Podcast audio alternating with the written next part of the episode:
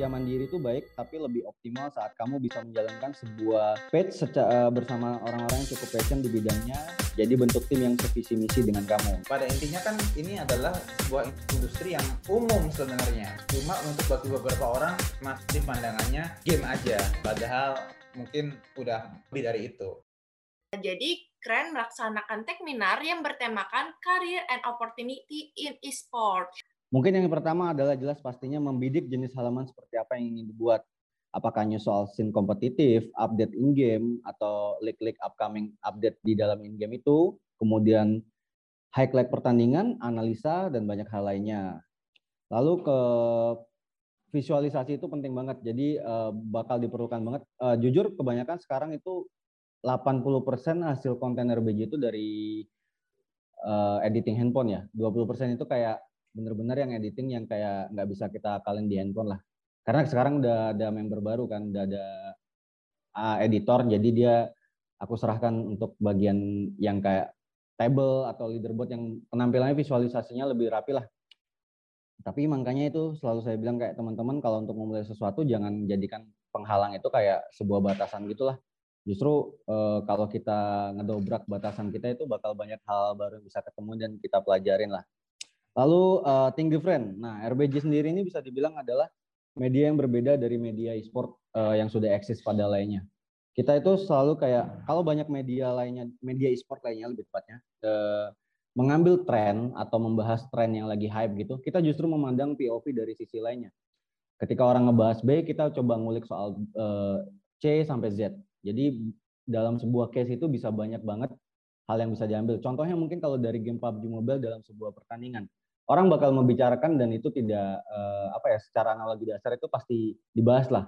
Tim yang mendapatkan chicken. Tapi justru kita tertarik uh, sama ngebahas tim-tim lainnya atau sisi-sisi lainnya. Makanya itu adalah think different out of the box. Itu salah satu harus yang jadi kayak buat teman-teman yang bikin mau pingin bikin media e-sport jadi kayak harus memikirnya tuh ya berbeda lah dari yang sudah ada gitu. Orang memikirkan A kita harus mikirin B sampai Z. Kayak begitu. Terus uh, identity Ya, karena kita adalah kapten atas kapal kita sendiri. Jadi uh, ya itu balik ideologi tapi diimbangi juga dengan uh, sisi mainstream. Kita tetap mengikuti pasar tapi tetap kita harus menegaskan seperti apa sih garis atau warna daripada halaman kita ini sendiri. Kemudian ada aware dengan data uh, secara berkala.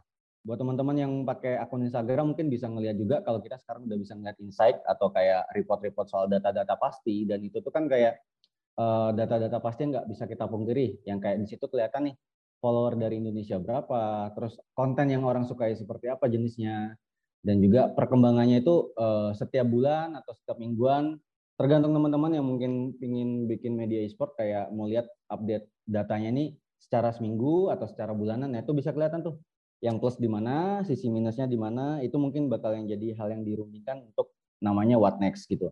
Kayak mungkin bulan ini, oh kayaknya bulan ini nih pada banyak yang suka uh, highlight pertandingan secara up to date. Nah, mungkin yang bulan depannya bakal kita kemas seperti apa lagi nih. Jadi itu bakal jadi PR kita. Kemudian uh, yang pastinya adalah buat jadwal daily uh, secara rutin gitu. Kalau saya pribadi sih biasanya itu sebelum tidur pasti ngebikin coret-coret besok mengupload apa nih. Uh, situasional kalau misalnya dalam hari itu kita mengupload ada jadwal yang di luar kita sudah tulis, itu kan situasional mungkin tiba-tiba ada mendadak event apa event apa event apa? Ya tinggal adaptifnya aja seperti apa sih kayak gitu. Terus uh, yang terakhir adalah bekerja mandiri itu baik tapi lebih optimal saat kamu bisa menjalankan sebuah page secara eh, bersama orang-orang yang cukup passion di bidangnya jadi bentuk tim yang sevisi misi dengan kamu. Nah menemukan orang yang sevisi misi ini gampang-gampang sulit sih tapi bakal kelihatan juga. Eh, RBJ sendiri bisa dibilang selama hampir uh, besok dua tahunnya itu di bulan Mei baru satu bulan lebih sekitar dua bulan uh, eh, RBJ baru ketambahan orang juga selain saya sendiri. Jadi sekarang itu ada ada admin kedua, terus ada collect data itu uh, karena dia kebetulan adalah Wikipedia input juga. Terus yang ketiga adalah bagian editor. Jadi sekarang RBJ ada empat orang dan orang ini yang kayak saya amatin dari lama banget lah, yang kayak kira-kira sevisi misi dan justru malah datang sendiri gitu.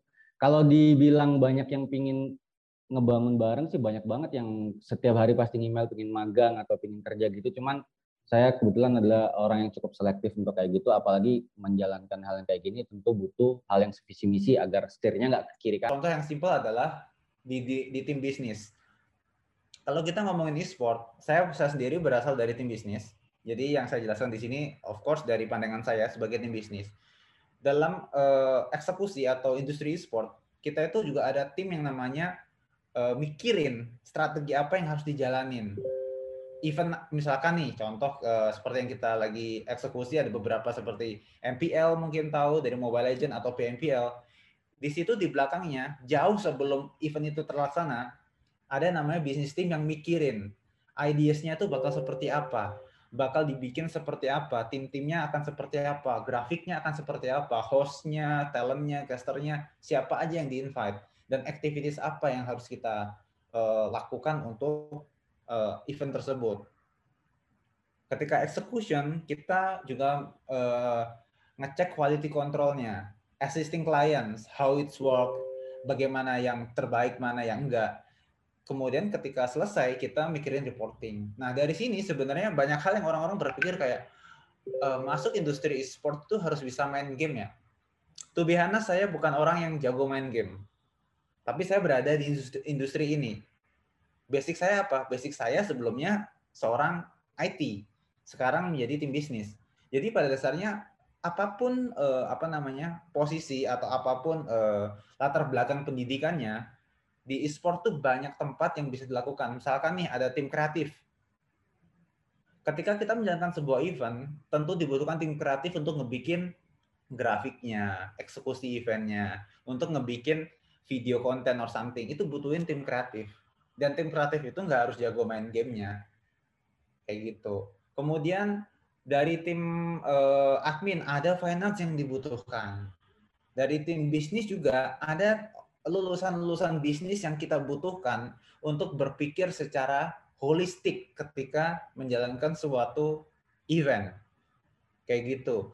Jadi pada dasarnya ketika kita masuk e-sport kita sebenarnya kalau kita masuknya ke sisi tengah yang tadi saya sempat mention. Di mana kayak Mineski kita posisinya di posisi tengah, di mana kita ngebantu publisher uh, atau developer untuk ngedeliver something ke user atau communities. Nah, itu a lot of things sebenarnya yang bisa kita lakukan di sisi tengah ini. Dan itu mungkin banyak orang berpikir bahwasanya, wah, e-sports itu main game ya. Kita like itu apakah nggak buang-buang waktu, nggak ada karyanya dan sebagainya pada dasarnya industri e-sport itu sama dengan industri-industri yang lainnya. Mungkin orang-orang berpikir kita main game, tapi secara garis besar e-sport itu sebenarnya entertainment industry. Sama kayak kita bikin film, sama kayak kita bikin uh, talk show, sama kayak kita bikin acara TV. Di mana bedanya kalau misalkan talk show atau acara TV gitu, kita perlu uh, sutradara, perlu uh, mungkin aktor atau pemain Sedangkan di e-sport, aktor atau pemainnya adalah player, profesional player. Kayak gitu. Nggak harus profesional player. Untuk beberapa semi-pro, banyak player-player yang non-pro pun juga bergabung. Pada intinya kan ini adalah sebuah industri yang umum sebenarnya. Cuma untuk bagi beberapa orang masih pandangannya game aja. Padahal mungkin udah uh, lebih dari itu kayak gitu. And structure your speech merencanakan dan menstruktur ini adalah dua hal yang sangat berbeda, tapi harus bisa dijadikan satu. Karena apa? Ketika kalian e, merencanakan e, materi-materi yang akan kalian sampaikan, tapi kalian lupa untuk menstruktur kata-kata per kata, kalimat per kalimat, ataupun apa pun yang ingin kalian sampaikan secara verbal, ini kan saya bicara secara verbal, beda dengan tulisan ya. Kalau tidak direncanakan dan tidak distrukturisasi, maka kita akan kelihatan seperti robot ataupun seorang anak kecil yang baru belajar membaca dan berbicara. Seperti itu.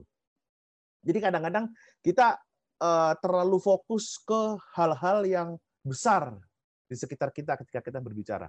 Gedung yang tinggi, gedung yang megah, uh, apa namanya eh, AC yang terlalu dingin barangkali, ataupun mikrofon yang ternyata aduh gue baru kali ini nih ngomong menggunakan mic merek ini umpamanya kayak gitu kan. Jadi kayak aduh ini gimana? Aduh ini gimana? Bingung gitu kan. Nah hal-hal seperti itu terus kalian lupa. Kalau ada yang lebih penting yaitu apa yang akan dibicarakan. Jadi kalau dicontohkan adalah seperti ini. Kali uh, aku pernah ngomong, tapi aku pernah uh, menyampaikan sesuatu di depan sekitar 1.500 orang di sebuah acara di Surabaya. Tapi sampai sana saya sangat terganggu atau saya sangat tidak fokus dengan apa yang akan saya bicarakan karena apa? Venue-nya itu terlalu panas, sangat-sangat panas sekali. Jadinya saya terlihat seperti orang yang dikit-dikit ngelap keringat, dikit-dikit kibas-kibas baju gitu kan. Tidak seperti orang yang memang akan membawakan sesuatu ataupun membawakan sebuah acara. Jadi apa? Detail-detail kecil yang akan kalian sampaikan itu harus diplan, harus distruktur dengan baik dan benar agar apa? Ketika kita sudah sampai di lokasinya untuk bicara, nah hal-hal yang seharusnya tidak jadi fokus udah lupa seperti itu. Nah, selanjutnya ini. Ini sebenarnya untuk orang-orang yang suka menggunakan uh, slide ataupun uh, presentasi ataupun bahan untuk tambahan ketika kita berbicara. Ini agak berbeda dengan orang-orang yang biasa uh, ngomong tanpa tanpa diktat, tanpa adanya apa namanya uh, cue card gitu kan. Nah, tapi gini, ketika kalian berbicara di, di hadapan orang, lalu kalian sangat menghabiskan banyak waktu untuk menghias presentasi kalian, sementara isinya nggak ada. Nah, itu jangan sampai seperti itu. Boleh kalian presentasi di hadapan orang-orang, tapi yang diutamakan adalah isi presentasi tersebut. Jangan seluruh keseluruhan presentasinya yang benar-benar yang dihias sedemikian rupa, dibanyakin grafik-grafik apa segala macam, tapi isinya ternyata nggak ada. Sama halnya ketika kita menjadi host atau menjadi seorang shoutcaster gitu kan.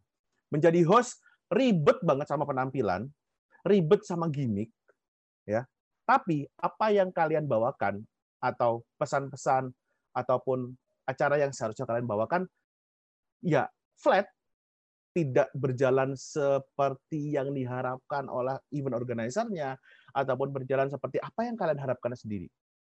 Seperti itu. Saya pernah melihat sebuah uh, turnamen uh, e-sports yang pada saat itu uh, host dan hostnya ya hostnya pada saat itu saya melihat seperti ini dia kayak membawakan acara itu dengan sebuah kostum yang luar biasa indah yang luar biasa wah mewah deh tapi ketika ketika dia yang harusnya bisa memandu pertandingan atau memandu acara ini dengan baik dan benar dia malah tergagap dan fokus untuk ngobrol aja gitu dengan pasangan ataupun uh, duetnya.